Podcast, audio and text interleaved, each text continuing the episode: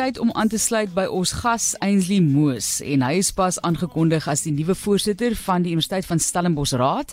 En hy is onder andere op 29 al redakteur van die Landbou Weekblad. Op 32 redakteur van die Volksblad en in 2011 is hy deur die Weekblad Mail and Guardian aangewys as een van die top 200 jong professionele persone in Suid-Afrika en hy is tans lid van die uitvoerende span van die finansiële dienste maatskappy African Rainbow Capital. Is hy sommer vir hier rond nie en ons verwelkom hom om te gesels oor sy loopbaan daar waar hy alipad kom van Oudtshoorn oorspronklik. Welkom Ainsley Goeiemôre Magdalies, uh, baie dankie vir die geleentheid.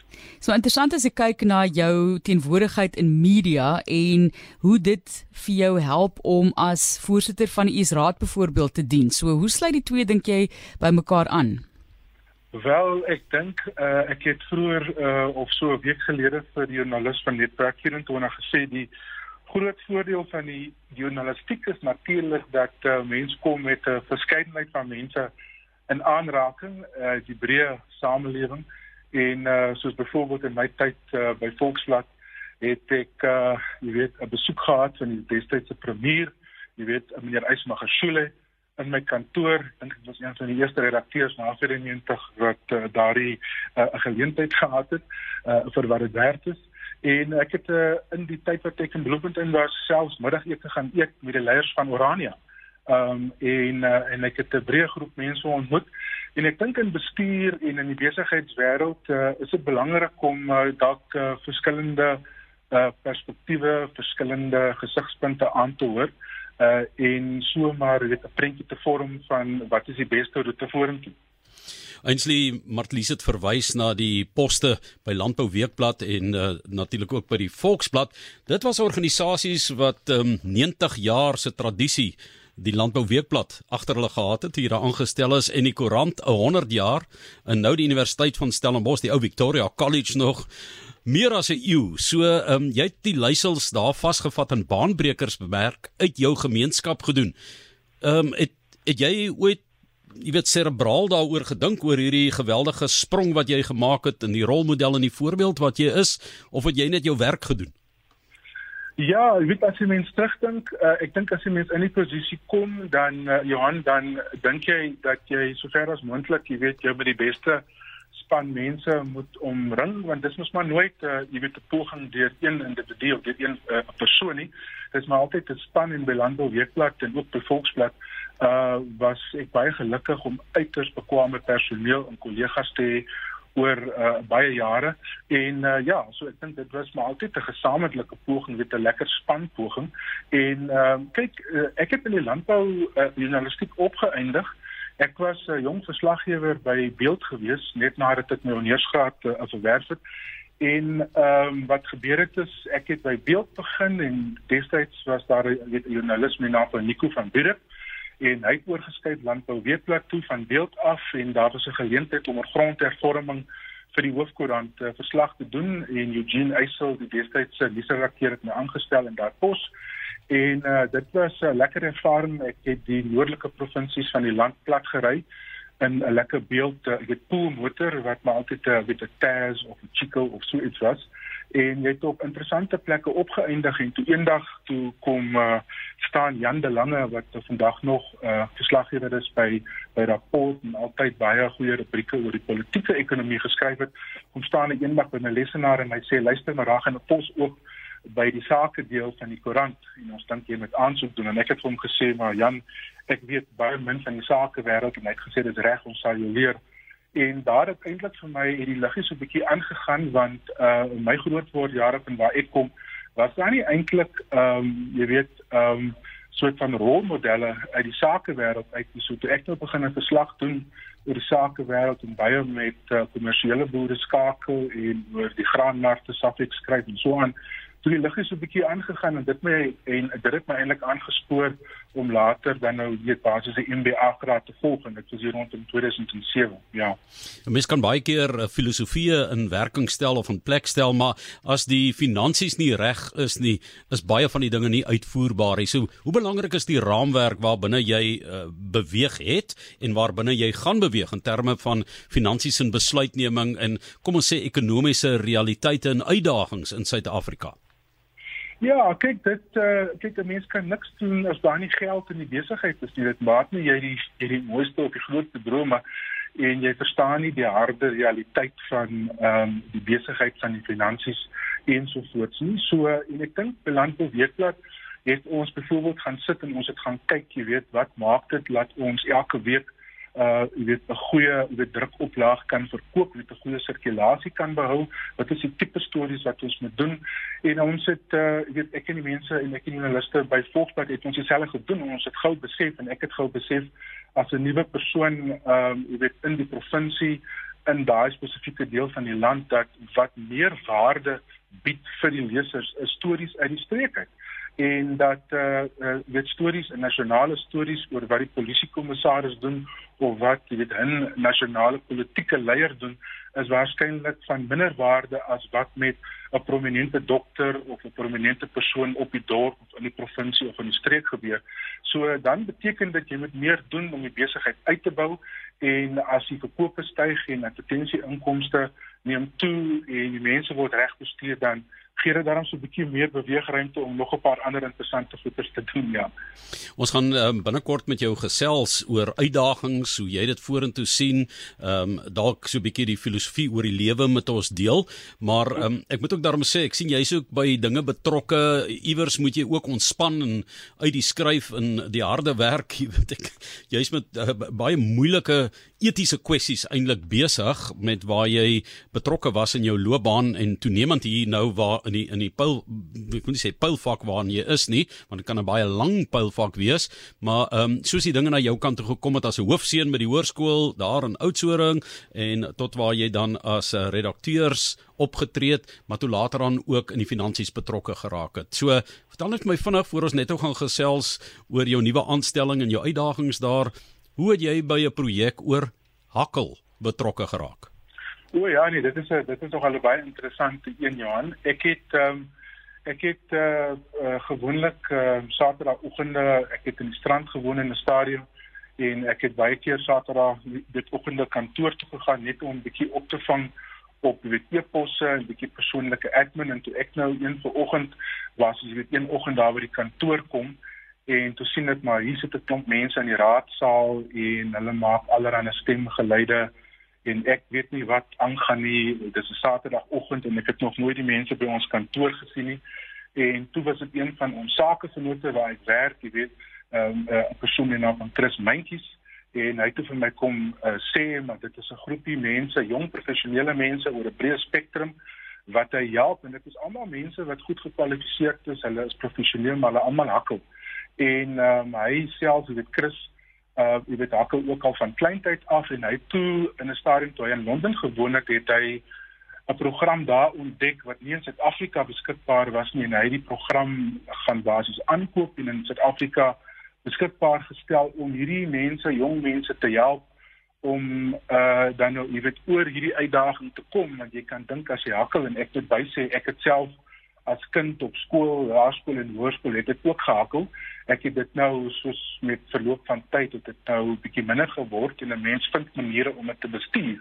Jy weet, ehm um, en uh weet in Chris se geval het hy nou 'n uh, soort van 'n uh, basiese organisasie geskep wat hy self befonds het en hierdie mense 'n geleentheid gegee om oor daai uitdaging te kom en is so in die professionele werk staan en jy moet deelneem aan spanvergaderings en jy moet deelneem aan toesprake en aan aanbiedings en as jy sukkel om jouself uit te druk dan jy weet uh, dit beïnvloed jou langtermyn ontwikkeling uh, of dan liewer jou langtermyn geleenthede binne die organisasie. So hy wou eintlik vir daardie jong mense wou hy net so 'n bietjie van 'n reddingsboei gooi en hy het my toe ek kom en toe ek vir hom my storie vertel het hy ont, ek het toe nou dadelik gesê of vir my gevra wil ek betrokke raak en ek het hom gesê ja, dit is 'n groot plesier.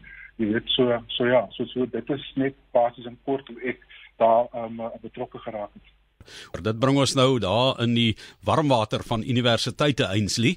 Ehm um, jy het ja. kans gesien vir die uitdaging en uh, dit is 'n snel veranderende omgewing. Daar is baie kulturele druk, daar's akademiese druk, daar's politieke druk, daar's allerlei druk.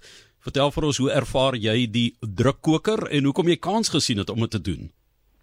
Ja, Johan, ek wil dalk net eers sê, jy weet dat uh, die universiteit word uh, ontsettend goed bestuur deur uh die bestuur, die direkteur, professor Wim de Villiers en sy bestuurspan.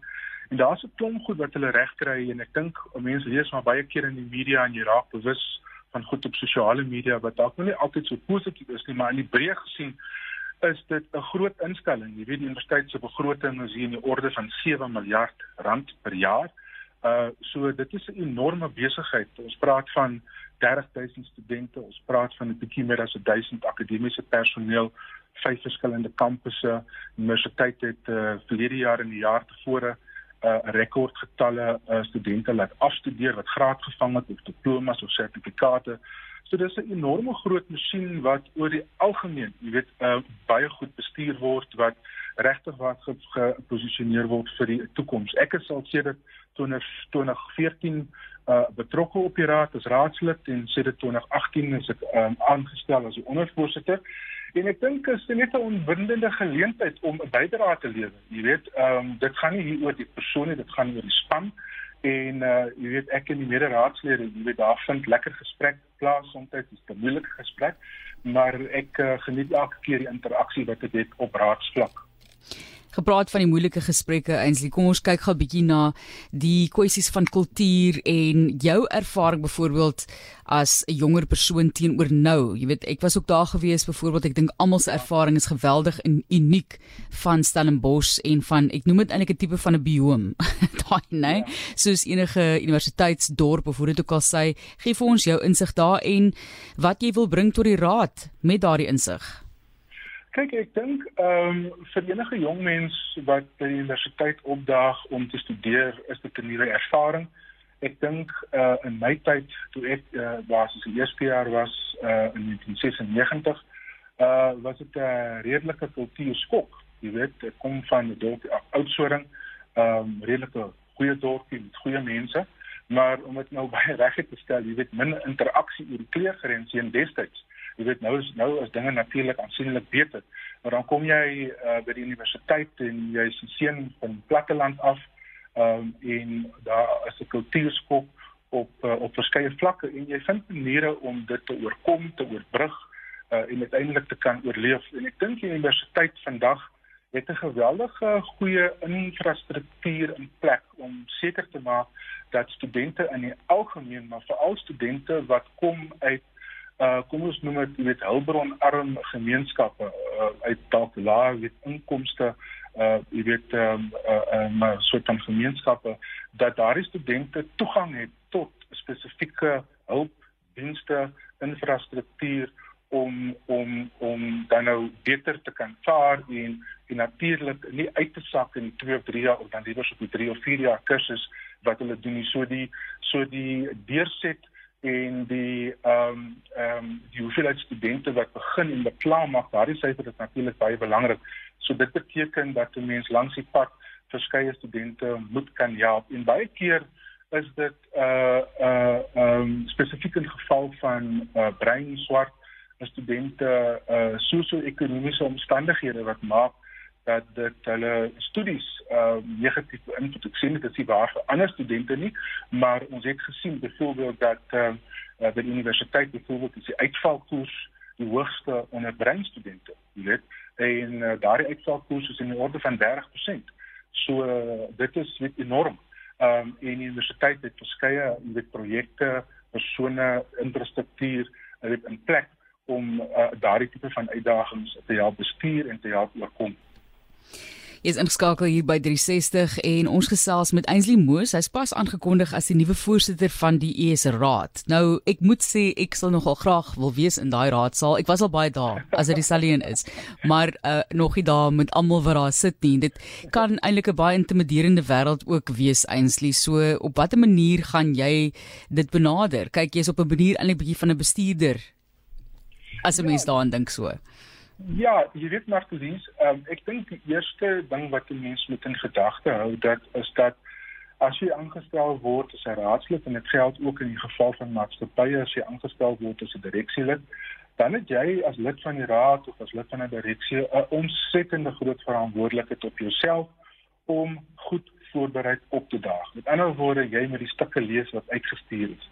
En ek kan vir jou sê ons uh, pakke wat ons kry by die universiteit jou raadstukke wat jy met deurwerk is nie 'n paar bladsye nie. Ek dink in die vorige raadsvergadering met die vorige raadsvergadering was dit in die orde van 800 bladsye of so.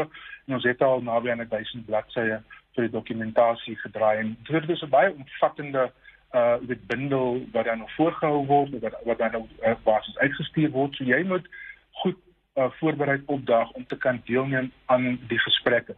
Ek dink uh die gesprekke is vir die algemeen produktief. Uh George Stein is so is 'n is 'n geweldige uitstekende voorsitter. Hy het uh, sedert 2012 het hy nou die die lyshostaar as voorsitter en uh jy weet daar is natuurlik moeilike gesprekke by tye of dit nou gaan oor hoe ons ehm um, ehm um, ehm um, ehm um, die personeel se verhogings of uh kampusveiligheid tot voordeel van studente of internasionale ranglyste. So daar's 'n breë klomp kwessies wat uh, wat daar aangespreek word en dit alles tot voordeel van die universiteit. En ek dink uh, ek kan net byvoeg dat uh, ek dink in my ervaring die laaste 8 jaar of so op op die raad, jy weet daar word op die regte goed gefokus. Soos ek sê dis dis 'n uh, weet groot masjien, dit is 'n enorme instelling en 'n mens moet seker maak dat jou agenda, dat jou lysie prioriteite ehm uh, jy weet uh, reg is en dat jou agenda reg opgestel is, ja. Kom ons kry gou 'n idee van die toekoms, want hoe lank wil jy betrokke wees op hierdie tipe van vlak en hoekom is dit vir jou belangrik op 'n persoonlike vlak om betrokke te wees by 'n universiteit? As jy mens nou dink loopbaan teenoor motivering? O, ja, so kom ek sê so, die universiteit het 'n statuut, dit is die grondwet en die grondwet sê uh die universiteit se grondwet sê dat uh, elke raadslid kan vir 'n maksimum van uh 4 jaar, uh dit is 'n termyn en uh dit elke raadslid kan vir 'n maksimum van 3 termyne sit dit aan inlopend so ek is nou aan die einde van my tweede termyn. Ek is op die punt om my derde en dan finale termyn in te gaan.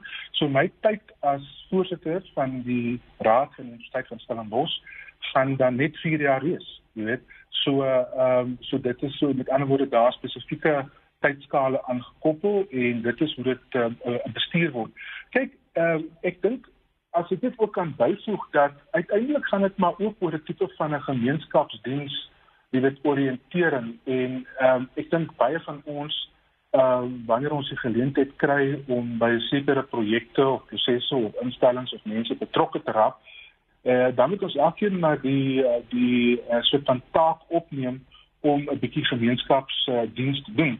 En ek sê dit spesifiek, jy weet, want uh, die een van die raadslede, ek weet nie hoeveel mense dit weet, maar die een van die raadslede van die Universiteit van Stellenbosch uh, word uh, finansiëel te goed vir die rol wat hulle speel en dit is nou dit is maar net basies hoe dit is. Daar's ook niemand wat aandring op vergoeding nie, so almal doen dit regtig waar omdat hulle 'n verskil wil maak, omdat hulle die beste universiteit wil uh, vestig en so wil hou. En uh, en ek dink ja jy weet soos ek sê uh, um, dit oor die algemeen speel die raad baie goeie rol so baie goeie produktiewe vergaderings. En vir my persoonlik is dit net belangrik om daai bydrae te lewer jy weet inspanne verband. En dit is maar in kort jy weet hoekom ek betrokke is by die universiteit. Kom ons gesels 'n bietjie oor daardie aftyd want daar's nou baie ernstige verwagtinge van jou en loopbaan is mos maar 'n stresvolle proses en pad wat jy stap. So hoe skakel Ainsley af?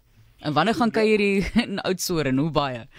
Wel ek probeer uh my ma woon op Oudtshoorn en dit my oudste suster uh, sy is die bestuurder daar by die Kambo Grotte Ellison ehm um, so ek probeer my ma ten minste so een of twee keer 'n jaar sien op Oudtshoorn.